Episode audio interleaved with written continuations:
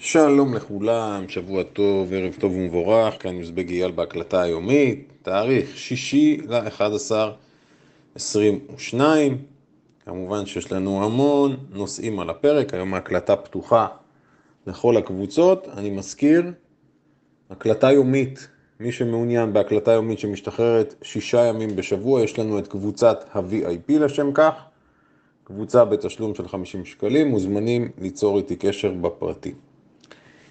בשאר הקבוצות אנחנו משחררים את ההקלטה בימי ראשון.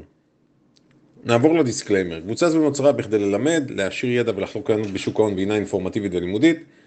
כל העושה שימוש בתכנים המועלים בקבוצה זו עושה זאת על דעת עצמו ואחריותו הבלעדית. חל איסור מוחלט לשווק, לפרסם או להציע הצעות מסוג זה לחברי הקבוצה. לפני שנדבר על וול סטריט, אנחנו רוצים להתייחס למה שקרה בארץ ומה שקורה לאחר הבחירות. אנחנו, מבחינתנו, האג'נדה שלנו היא מאוד פשוטה. אה, ופה גם אני רוצה ככה לתת תזכורת קטנה. אנחנו הולכים אחורה. אז קודם כל יש הכרעה, והכרעה זה דבר טוב, כי ודאות בעיניי תמיד עדיפה על אי ודאות. ושוב אני חוזר, ימין שמאל בעיניי אין לזה משמעות כרגע. ומי שיבדוק היסטורית גם יכול לראות, יש משפט, סוג של קלישאה, אבל מסתבר שהיא די נכונה. אומרים שימין עושה שלום ושמאל פותח במלחמות. זה לא העניין מבחינתנו. אני הערכתי שהבחירות הנוכחיות יוכרעו בעקבות מה שקרה בשומר חומות. דיברנו על זה לא פעם פה, אנשים איבדו את הביטחון האישי, אין משילות. אגב, חייבים להגיד את זה גם במהלך הבחירות עצמן, אני לא יודע אם נחשפתם, היו תקריות שהן לקוחות כאילו מכוכב אחר. אה, מי שמעוניין תחפשו, תעשו חיפוש ברשת, אתם תגלו כל מיני תופעות מאוד מוזרות, אגב זה מפורסם. ורק מחזק בעיניי את הסיפור ועם מה שאנחנו מתמודדים פה במדינה. אז מבחינתי לפחות, סדרי עדיפויות, קודם כל היה הנושא של ביטחון אישי ומשילות, והציבור באמת אמר את דברו. דבר שני, יוקר המחיה, ו... הסיכום של יוקר המחיה בעיניי מתבטא באותו סרטון בו מראיינים שלושה למעשה ראשי מפלגות, או לא ראשי מפלגות, שתי, ראשות, שתי ראשי מפלגות שזה מרב מיכאלי וזהבה גלאון וגדעון סער. ושאלו אותם את השאלות כמה עולים מוצרים כאלה ואחרים ואין להם מושג. מעבר לזה שזה היה מביך זה בדרך כלל אגב מה שקורה עם חלק לא מבוטל מהפוליטיקאים, הם פשוט מנותקים. והשיא היה מבחינתי כאשר שאלו את גדעון סער, האם אתה יודע מה מחירו של ליטר בנזין? והוא אמר, אין לי מושג, וזה לא יעזור אם תשאלו אותי פעם נוספת, אבל הוא אמר, אבל אני נלחמתי להוריד את המחיר של ליטר בנזין, אבל אני לא יודע כמה הוא עולה. זה משהו שבאמת אני חושב, אפרים קישון היה צוחק הרבה עכשיו. ודבר נוסף זה הנושא של מחירי הדיור. אומרים שצריך לתת 100 ימי חסד. אני לא חושב שיש אפילו 100 ימי חסד לממשלה הנכנסת עכשיו. לדעתי אין לה את זה. ובינינו, אני גם לא חושב שהיא צריכה. עכשיו אתם צריכים להוכיח לנו האם אתם מסוגלים לעשות משהו או שלא. דיברתם הרבה, עכשיו תוכיחו, זה מה שאני אומר, ואין פה, ולא, מבלי להיגרר עכשיו. ישנה מציאות. אחת הדוגמאות בעיניי הבולטות שבזמנו זה גרם לסוג של דיון מאוד אה, אמוציונלי, זה היה מעון ראש הממשלה. היו פה חברים שטענו שאני נגד בנט וזה שהוא בזבז 45-50 מיליון על מיגון הבית שלו, זה דבר לגיטימי. אני טענתי שלא, לא אני טענתי אגב, בג"ץ עכשיו טען שזה לא לגיטימי. אגב, עדיין אסור לפרק את מה שהוא בנה שם, את המבצר, ואתם יודעים מה הסיבה שאסור לפרק את המבצר? ראש עיריית רעננה טוען שאין היתר בנייה, ומאחר ואין היתר בנייה, חוקית אסור לו לפרק מבנה שהוא לא חוקי. אני לא הבנתי את זה עד הסוף, אבל אתם מוזמנים לבדוק. לאחרונה האשימו ופיטרו את אחד האנשים בלשכה של ראש הממשלה, אלון חלבה, כאשר הש"ג שוב האשימו אותו, ועוד נקודה מעניינת, יאיר לפיד, לא זכור לי שעכשיו כשהוא נהיה ראש ממשלה, אז היו צריכים למגן איזשהו משהו יוצא דופן. הוא פשוט עבר להתגורר בדירה שבזמנו הייתה של מאבטחים או משהו, והצליחו לחיות עם זה בשלום. אני מספר את הסיפור הזה כי חייבים לעשות הפרדה בעיניי בין מה שקורה במציאות לבין כל מיני פנטזיות של כל מיני אנשים שהם מדברים מטעם. אם מישהו יגיד לכם שאין תקצוב לגייס עכשיו שוטרים או להעלות שכר לשוטרים מתחילים, אז אני אגיד לו, חביבי, לך בבקשה, תספר לי מי אישר את הסיפור הזה של בניית המעון ומיגון המעון. אגב, עד עכשיו הסיפור לא ברור, למרות ההתבטאות של השופט בבג"ץ בדיון, שהוא אמר שהוא לא מבין מה הולך פה, והוא למעשה נזף בהתנהלות ומבקר את ההתנהלות של משרד ראש הממשלה בסיפור הזה. אם יגידו לכם שאין תקציבים להעביר רפורמות מסוימות, אז אני מבקש שאותם אנשים הם אלה שייתנו תשובה כיצד זה שכר של בכירים במערכת הציבורית, משתכרים עשרות אלפים בחודש, אנחנו קבענו ש-30 אלף ומעלה זה שכר שהוא מופרז בעינינו, היות ואנחנו מדברים על פי חמש בערך, פי שש מהשכר הממוצע במשק, אז אם זה המצב לא צריך להשתגע. אז הממשלה צריכה למצוא פתרונות, שלא יספרו לנו סיפורים, אנחנו נעקוב אחרי הדבר הזה מקרוב, במיוחד שעכשיו מדברים על שורת התייקרויות נוספת. אז זה המצב פה, ולא צריך להיות אדישים, צריך לתת מענה למה שקורה. אני כן אגיד, שמעתי כל כך הרבה עדויות פה מהחברים על כל מיני מקרים שקשורים לביטחון אישי. אגב, זה נכון לכל חלקי הארץ, צפון, דרום, מרכז, דרום תל אביב, שמעתי סיפורים מסמרי שיער על מה שקורה בדרום תל אביב, אנשים עדויות ממקור ראשון, זה אומרים שם, אתה נכנס לטריטוריה, אתה כאילו נמצא בעולם אחר, צריך להחתים דרכון ברמה כזו שאתה לא מבין מה הולך שם. אז אוי ואבוי אם ככה צריך לחיות שם, כיצד חיים שם בצורה נורמלית, כיצד ניתן לגדל משפחות, אין לי מושג האמת, אני באמת אומר, אני לא יודע. ותמיד תזכרו משהו פשוט, אם מישהו מאותם מקבלי החלטות היה בעצמו צריך להתמודד עם הבעיות שיש שם, ברור לכם שתוך יומיים כל הסיפור היה מסתיים הרי והיו מטפלים בזה. ובעיניי השינוי הגדול צריך להיות במערכת אכיפת החוק, בפרקליטות, משהו לא דופק שם. שוב אני אומר, תתנתקו מהפן הפוליטי, פשוט תסתכלו ממעוף הציפור על מה שקורה, הפרקליטות בתיקים שלה מרשיעה ב-90 ומשהו אחוזים. זאת אומרת, כשהפרקליטות מגישה כתב אישום נגד מישהו, הסיכוי שלו לצאת מזה הוא אפסי. ועוד שאלה שכל אחד כדאי שישאל את עצמו, מדוע צריך אה, בזמן ניהול משפט, מדוע צריך שינהל מצד ההגנה, מדוע צריך לשכור עורך דין שהוא יהיה תותח בשביל לצאת זכאי או בשביל שיילחם? מדוע צריך לשלם סכומים כל כך גבוהים להגנה? אם נעשה משפט צדק, מדוע צריך עורך דין שיהיה כזה בכיר, כזה תותח? מה הסיבה? זו שאלה תם. אגב, שאלתי את השאלה הזו הרבה אנשים מהתחום, לאף אחד אין תשובה טובה. שאלה נוספת שעולה, מדוע משפטים מתנהלים שנים? מה ההיגיון? מדוע משפט צריך להתנהל שנים? האם ייתכן שבחברה פרטית הייתה סחבת כזו? אז התשובות לכל השאלות האלה הן די פשוטות. המערכת שומרת על הכוח של עצמה, ואם למערכת אין מספיק כוח אדם, נא לגייס מספיק כוח אדם. יש עודפים, אנחנו מדברים על אבטלה סמויה גבוהה מאוד במגזר הציבורי, כמעט איפה שלא נוגעים אנחנו רואים את זה. אז זה היה לגבי מה שקורה בארץ, וכמובן אנחנו נייחל לשינוי, ואני מקווה מאוד שגם הנושא של פתרון מצוקת הדיור יבוא על מקומו בשלום, כי עשרות חברים ואולי יותר מדברים איתי על הסיפור הזה, כאשר הם נמצאים בין הפטיש לסדן, לא רכשו דירה עד היום, כל אחד מסיבותיו שלו, וכרגע הם פשוט בדילמה מה לעשות. אז חומר למחשבה עבור כולנו. עכשיו ברשותכם, נעבור למה שקורה בארצות הברית. אנחנו חייבים להתחיל עם המפה של פינוויז, אני אשלח לכם צילום של המפה. יום שישי הסתיים בעליות, נפח המסחר היה גבוה מהממוצע בצורה משמעותית יחסית, 1.3, 1.4, אבל המפה מספרת סיפור.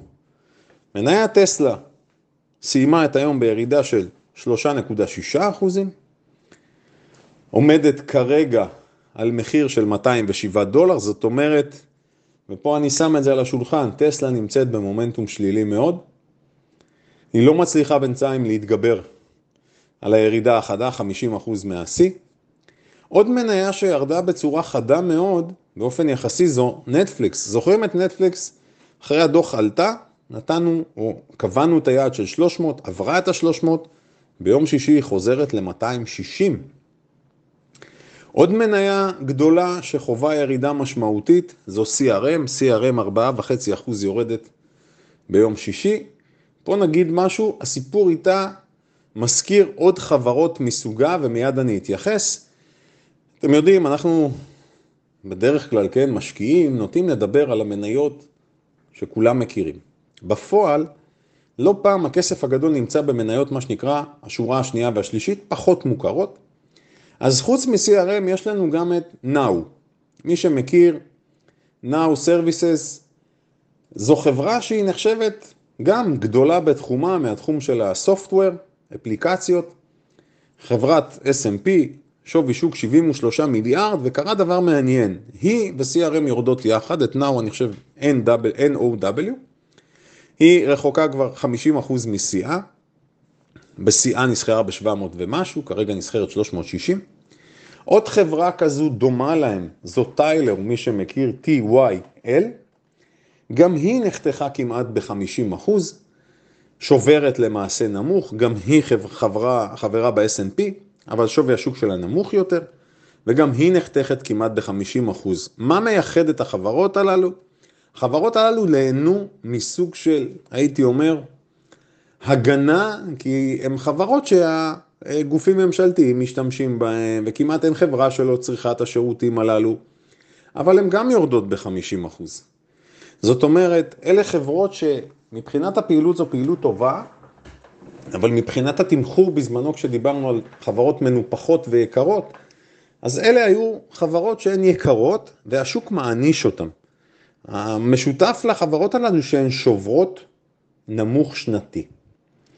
וחברה ששוברת נמוך שנתי זה סיפור משמעותי, היות והמהלכים, מה שנקרא כרגע, מלבד הלחץ כלפי מטה, אז אין משקיע ואין גוף מוסדי שמחזיק באותן חברות שלא ישאל את עצמו האם הוא צריך להמשיך להחזיק או להיפטר מזה.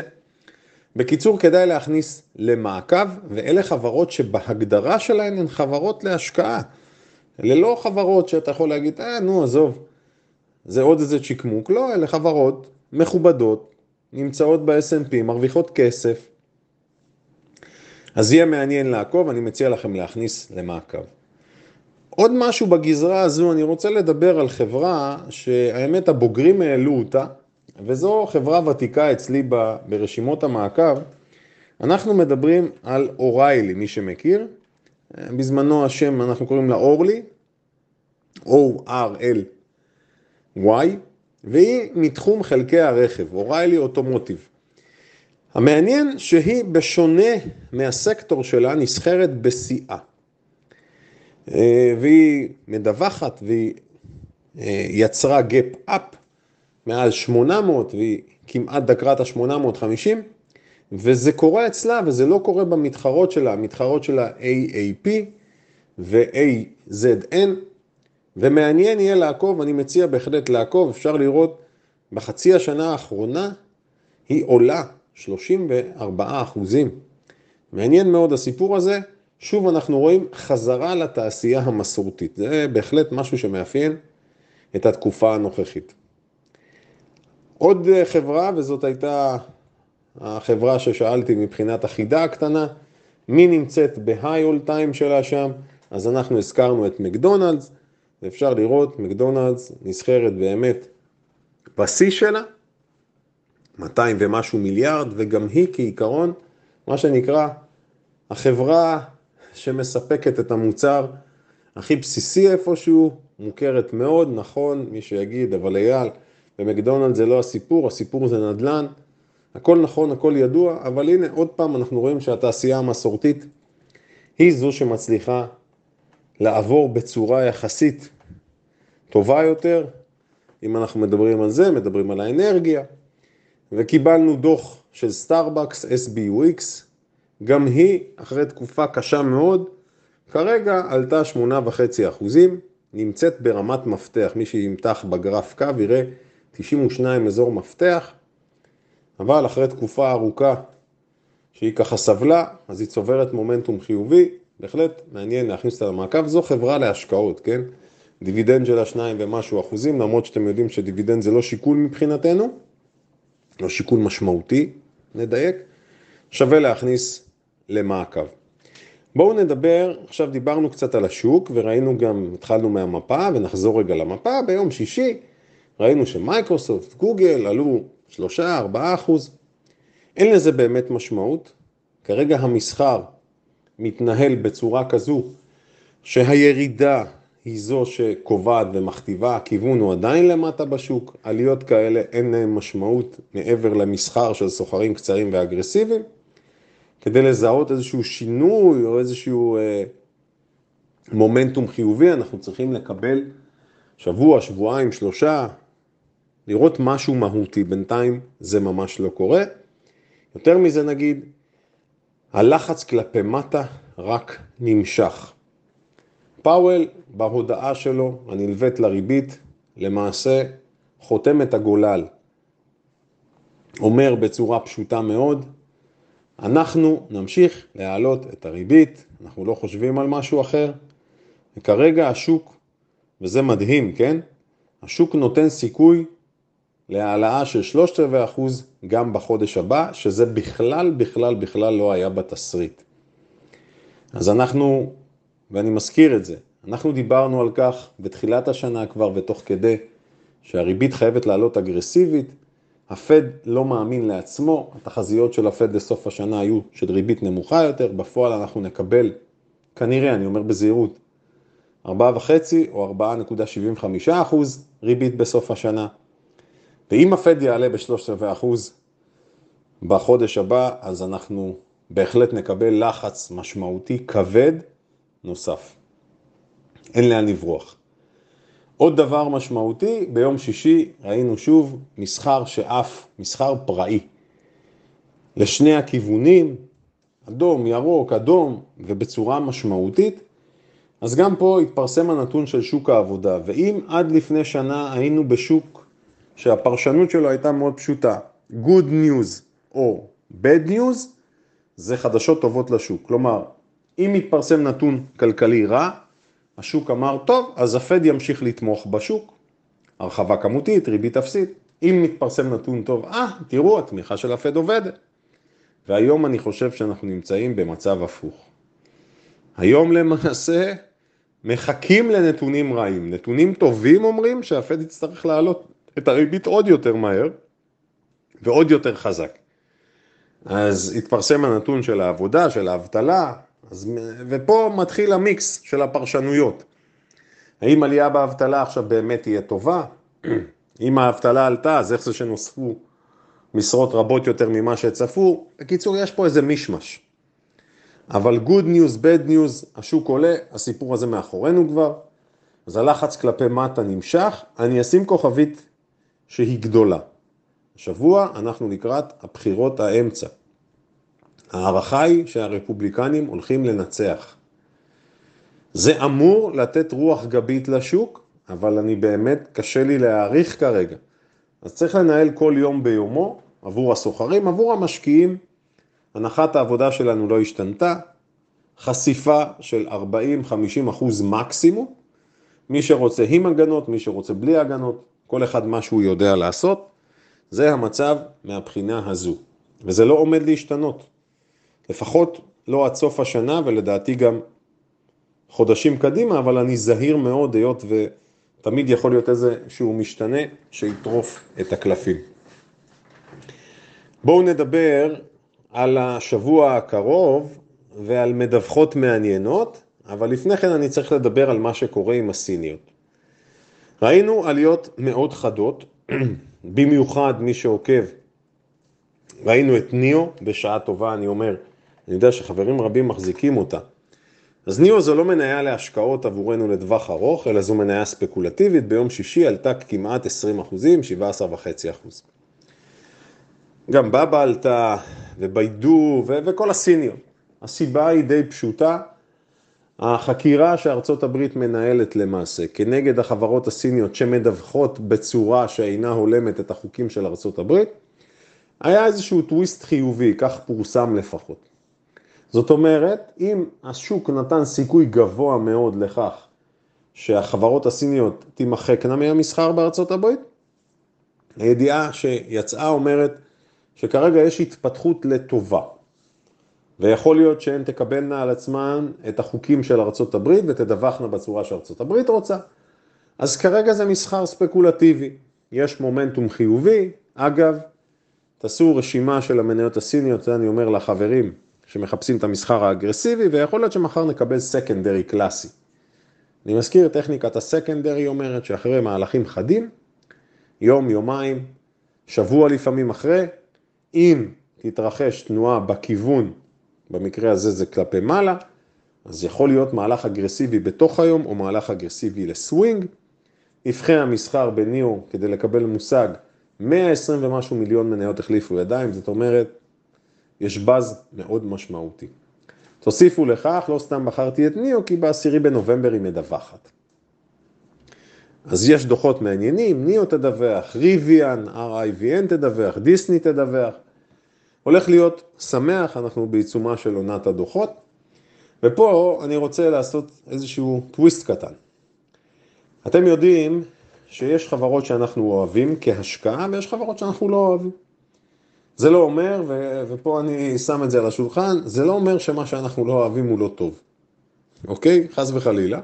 אבל זה כן אומר שיש לנו תפיסת עולם מאוד מגובשת לגבי השקעות. מה מתאים יותר ומה מתאים פחות. אז בזווית הישראלית, השבוע נקבל את הדוח של טבולה, TBLA.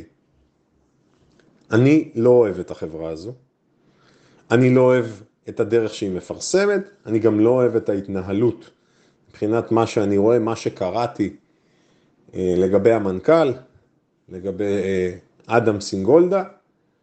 אני התרשמתי שאיפשהו בעולם שהוא חי בו, המציאות נראית אחרת ממה שאני מזהה, בסדר? חלילה, יכול להיות שהוא צודק, שהוא יודע דברים שאני לא יודע, בטוח, אבל במבחן התוצאה החברה הזו מתרסקת מבחינת המחיר, וזה הולם, לפחות עוד פעם אני אומר, להבנתי זה הולם, מהמיזוג שלה, מהספק שהתמזג, כרגע היא נסחרת בדולר 57, דולר 57 סנט, כך היא נסחרה ב after market, השבוע היא תדווח. מה אפשר לצפות ממנה? מבחינתי לא יותר מדי, למרות שמי שיסתכל על ההכנסות שלה, יראה שההכנסות שלה עולות. זאת אומרת, ברמה שנתית, מגמת ההכנסות היא יפה, היא משתפרת. ואם אנחנו מסתכלים על השווי שוק שלה, שווי שוק שלה הוא ממש נמוך, הוא 400 מיליון. 400 מיליון לחברה שמכניסה כמעט אה, מיליארד וחצי, מיליארד, 1.4 מיליארד, זה אומר שמשהו חשוד, השוק לא אוהב את מה שקורה שם מבחינת התחזית שלה, אז אנחנו רואים שמה שמעיב עליה היא מפסידה כסף. אבל ייתכן, ומי שזוכר, דיברנו על זה בעבר, היא הייתה צריכה להתאחד עם Outbrain ובגלל ענייני אגו, הן, אה, האיחוד לא בוצע. האם ייתכן שירכשו חברה כזו? לדעתי כן. לדעתי זה הסיפור פה, כרגע במצב שהיא נמצאת. אם ירכשו אותה זה קרש הצלה בשבילה, אחרת קשה לי לראות אותה יוצאת מהמצב שהיא נמצאת, במיוחד כשהמפרסמים, אנחנו יודעים, מורידים את התקציבים, זה המקום הראשון שחותכים בו, זה תקציב הפרסום בתקופות קשות. אז אנחנו נעקוב אחרי הסיפור הזה, זה סיפור מעניין, שוב חלילה, אני רוצה שכל החברות הישראליות תצלחנה, אבל אנחנו מבינים ש... סבירות שזה יקרה היא נמוכה, היות והיה פה איזשהו ניצול של המצב, כל אותם ספאקים שרק חיפשו במה להשקיע, לצערי זה המצב. עוד חברה שקורה בה משהו מאוד מעניין זו מאנדיי. מאנדיי הייתה הנפקה עם הייפ גדול, בשיאה נסחרה 450 דולר. יום שישי יורדת עוד 13 אחוזים. שווי השוק שלה כרגע שלושה וחצי מיליארד, תחשבו שהיא הייתה שווה פי חמש, פי שש כמעט. בזמנו, כשהיא הונפקה ועלתה לשווים האלה, דיברנו על זה שהמחיר תלוש מהמציאות, ואפילו אני יודע שמספר עובדים שעובדים במאנדיי ואיכשהו נשמעו או נחשפו להקלטות, אז הם הבינו שאולי כדאי להיפגש עם כסף, אגב זה קרה בהרבה חברות וזה משמח אותי, שהאזינו להקלטות והבינו שהסיכון מול הסיכוי שלא משתלם להישאר ועדיף אולי לבצע מימוש מלא, חלקי, כל אחד במה שהוא רוצה. מאנדיי מפרסמת השבוע, ב-14 בנובמבר, רגע זה השבוע או עוד לא, זה יהיה שבוע הבא, ב-14 בנובמבר. והשוק מעניש אותה כבר עכשיו, אז כנראה, כמו שכתבו מספר חברים גם כן הייטקיסטים, כנראה שזה קשור לחברות אחרות שדיווחו וחטפו חזק מאוד, אז אם זה המצב, אז uh, כנראה שלא הולכים לרחם עליה, כן? אבל אני אומר בזהירות, חברה כמו מאנדיי, אחד הדברים, ופה אני רוצה לדבר בשבחה, אחד הדברים שאני הבנתי לגביה, גם מטכנולוגים, זה שהמוצר שלה הוא טוב, מי שמשתמש אוהב אותו. הבעיה שלה שהיא מפסידה כסף. מסתכלים, רואים שמגמת הצמיחה בהכנסות היא טובה, אבל היא מפסידה כסף, היא מפסידה הרבה כסף. אז מה אני רוצה לומר? העונש פה, אמרנו, העונש לחברות שמפסידות כסף הוא מיידי. ותכף אני אספר לכם, אני עשיתי איזשהו ריסרצ' משלי לגבי מה שקורה בהייטק עכשיו בחלק מהחברות, מיד אני אשתף אתכם. אה, וראינו את טווילו שקיבלה פצצה של 35% ביום שישי, ואנחנו רואים שזה קורה בהרבה מאוד חברות. עכשיו, באותן חברות, והבדיקה שעשיתי, שאלתי עובדים, עובדים בחברות הייטק, לא ניכנס לשמות כרגע של חברות, אבל יש, אני לא אגיד היסטריה, אבל יש קיצוצים, קיצוצים מהותיים. מעבר לפיטורים, יש התייעלות, ואני חייב לספר לכם משהו, הסיפורים שאני שומע, אני לא הייטקיסט, בסדר? לא עבדתי בחברת הייטק. אני כן מכיר עשרות, אולי אפילו יותר, אנשים שעובדים. הסיפורים שם לגבי הבזבוזים, זה לא כל כך כמו הטנביס וה... והאוכל והפינוקים של המכון כושר, לא, זה, אתם תתפלאו, זה דווקא בדברים שהם נראים טריוויאליים כמו תוכנות. נניח שיש לי חברה עכשיו, ויש אלף עובדים בחברה. אז מבחינת הרשאה ורישיונות, license מה שנקרא, אז כולם צריכים license אה, למייקרוסופט, וכולם צריכים אולי למאנדיי, וכולם צריכים אולי לאדובי, וכולם צריכים אולי לתוכנות מסוימות שהם אה, עובדים איתם בשוטף. אז בעבר זה היה blank check, תיק, אין בעיה, עושים לכולם את זה. כן משתמש, לא משתמש, אותו דבר לגבי שירותים מסוימים. כולם צריכים החזקת רכב, כולם צריכים ניידים. מה שאני שומע זה שפתאום התחילו לנטר ולבדוק את זה, אז זה טוב. אני חושב שזה טוב, אבל זה גם מעיד על לחץ. ולכן הלחץ הזה, כנראה, אני עוד פעם, אני אומר בזהירות, כל אותן חברות עכשיו יעברו למודל רזה. מה הדבר הטוב מבחינתנו? מהלכים כאלה, ואגב, זה אומר שרוצים להציג שיפור מהר. זה אומר שרוצים לשפר את הנושא של הרווחיות התפעולית. אז מהר מאוד אנחנו נראה את השינוי הזה, ומי שמבין ויודע לזהות, וגם, אגב, פה אני פונה אליכם, אם אתם יודעים לזהות חברות שהן טובות בעיניכם, מוזמנים לשתף אותנו. וקיצוצים כאלה, אנחנו נראה אותם באים לידי ביטוי בעניין של חודש, חודשיים, שלושה. זאת אומרת, תוך רבעון אחד מקסימום, אנחנו נראה את זה בא לידי ביטוי. וזה דבר שיכול להיות מאוד מאוד מהותי עבורנו, זה דבר שיכול להיות מאוד חיובי מהבחינה הזו שמי שמסוגל לעבור את הגל הנוכחי כנראה שהוא יוכל לצאת ממנו מחוזק, בהנחה שהוא יציג באמת שיפור בביצועים. עוד חברה שהציגה קטסטרופה אגב, זו DraftKing. DKNG מהתחום של ההימורים, של ה gambling. היא ירדה גם 27 אחוזים. אז אין רחמים, פשוט אין רחמים פה. אז אנחנו נראה, אה, עונת הדוחות בעיצומה, אנחנו צריכים להמשיך להסתכל. גם היא מציגה או הציגה נתונים של הפסדים, והפסדים, אין מה לעשות, זה יהיה רע מאוד. רע מאוד. אז הסבלנות פשוט אפסית כלפי הפסדים, ולמרות שחברות צומחות, ההפסדים לא מתקבלים טוב, אז אנחנו נראה לאן זה הולך. אני רוצה לסיים רגע עם הסיפור של הביטקוין. הביטקוין עובר את ה-21,000 למעלה, אבל כמו שאמרתי, אין לזה משמעות בעיניי, חסר משמעות הסיפור הזה. בעיניי זה איזושהי הכנה להפתעה. אז אנחנו נעקוב, אמרנו שהסוחרים יכולים לעבוד לשני הכיוונים, למעלה ולמטה, להצטרף למגמה. המשקיעים לעומת זאת, לדעתנו הביטקוין צריך לרדת ולרדת חזק אפילו.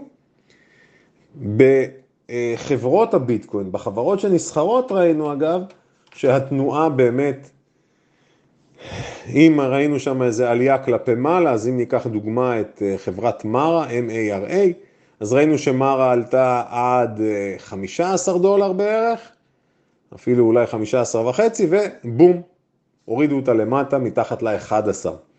זאת אומרת, המניות האלה ספקולטיביות, ואני מזכיר, אל תנסו לסחור על קורלציה ישירה בין התנועות בקריפטו לבין אותן מניות, כי הספקולנטים הם אלה ששולטים. ומשפט לסיכום, היות וההקלטה היום פתוחה לכולם, ניהול סיכונים זה המפתח להצלחה כרגע, אל תנסו לערב סגנונות וטווחי מסחר, תהיו נאמנים לניהול הסיכונים, גם לא לתת לתנועות של כמה ימים מעלה או מטה, לשנות ולהוציא אתכם מהפוקוס והמיקוד בתוכנית העבודה. שיהיה לכולנו שבוע מסחר מוצלח ומהנה.